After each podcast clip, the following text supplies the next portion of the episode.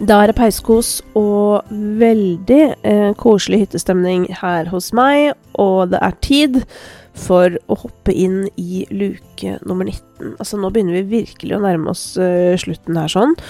Og vi skal til en uh, artist som har imponert meg helt ekstremt mye, helt fra start.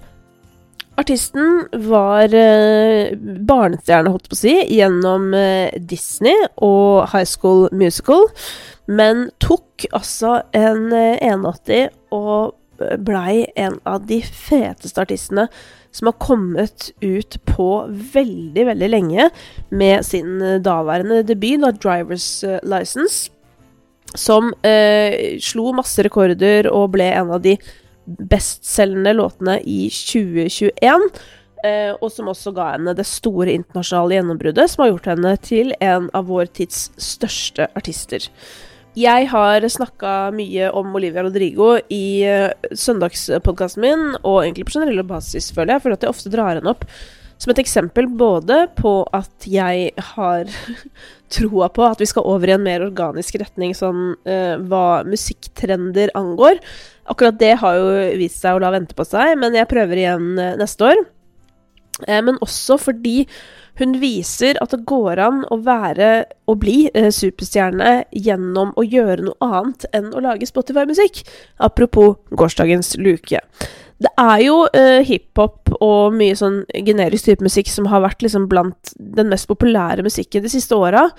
Men um, Og jeg har jo hva skal jeg si, presentert teorien om at jeg tror at den eneste måten å få liksom, nye trender inn i musikk på, i hvert fall hvis man skal få det sånn kjapt, og at det skal skje uh, over hele linja, det er når store, liksom våre største artister tør å ta ved uventa valg. Som eksempel da The Weekend gjorde den 80s-greia si. Så begynte jo hele verden med det. Det ble en kjempetrend. Og Olivia Rodrigo, hun bare kommer eh, fra High School Musical og bare sånn Ja, jeg skal lage litt sånn indie-rock, ja. Så jeg vet ikke hva dere andre driver med, men det driver ikke jeg med, da. Og det syns jeg er så sjukt fett, fordi eh, Altså, nå skal ikke jeg komme her og, og jeg, har, altså, jeg har jo åpenbart ingen innsikt i hva prosessene rundt uh, Olivia Rodrigo har vært, men jeg kan jo bare se for meg at etter at liksom hun allerede er dritkjent gjennom de uh, Disney-programmene hun har deltatt i, og de skal lansere henne som artist, så har det sikkert vært jævlig mange forslag på bordet. Og det at de da lander på denne musikken, som jo er inspirert av musikken foreldrene hennes hørte på. Eh, hun har fortalt at liksom, foreldrene hennes hørte på No Doubt og Pearl Jam, Green Day og The White Stripes, og liksom så hun har jo åpenbart eh, blitt eh, matet med, med, denne typen organisk musikk. Men likevel, at de slipper Drivers License eh, som første singel, som er liksom så på en måte rar til å være singel. Eh, for deg som nerder på hitmusikk, så vet du at liksom Olivia Rodrigo sine låter, de er litt for kompliserte, egentlig, til å være så store hits som det de er.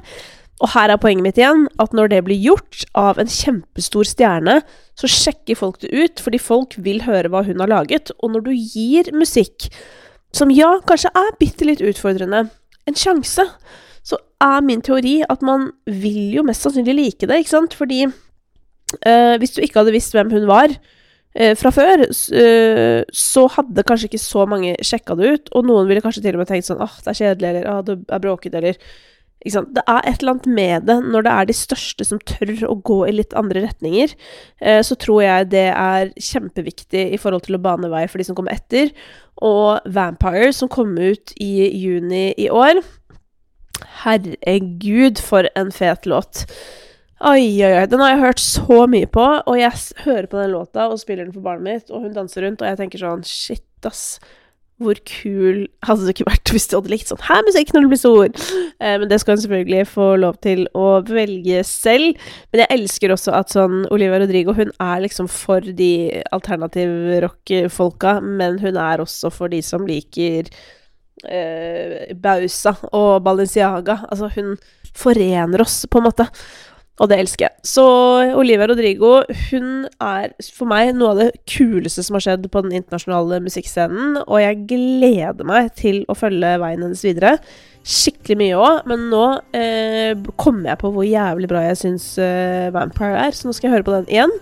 Eh, og så ønsker jeg deg en riktig god dag videre. Kanskje du skal høre litt på den, du også.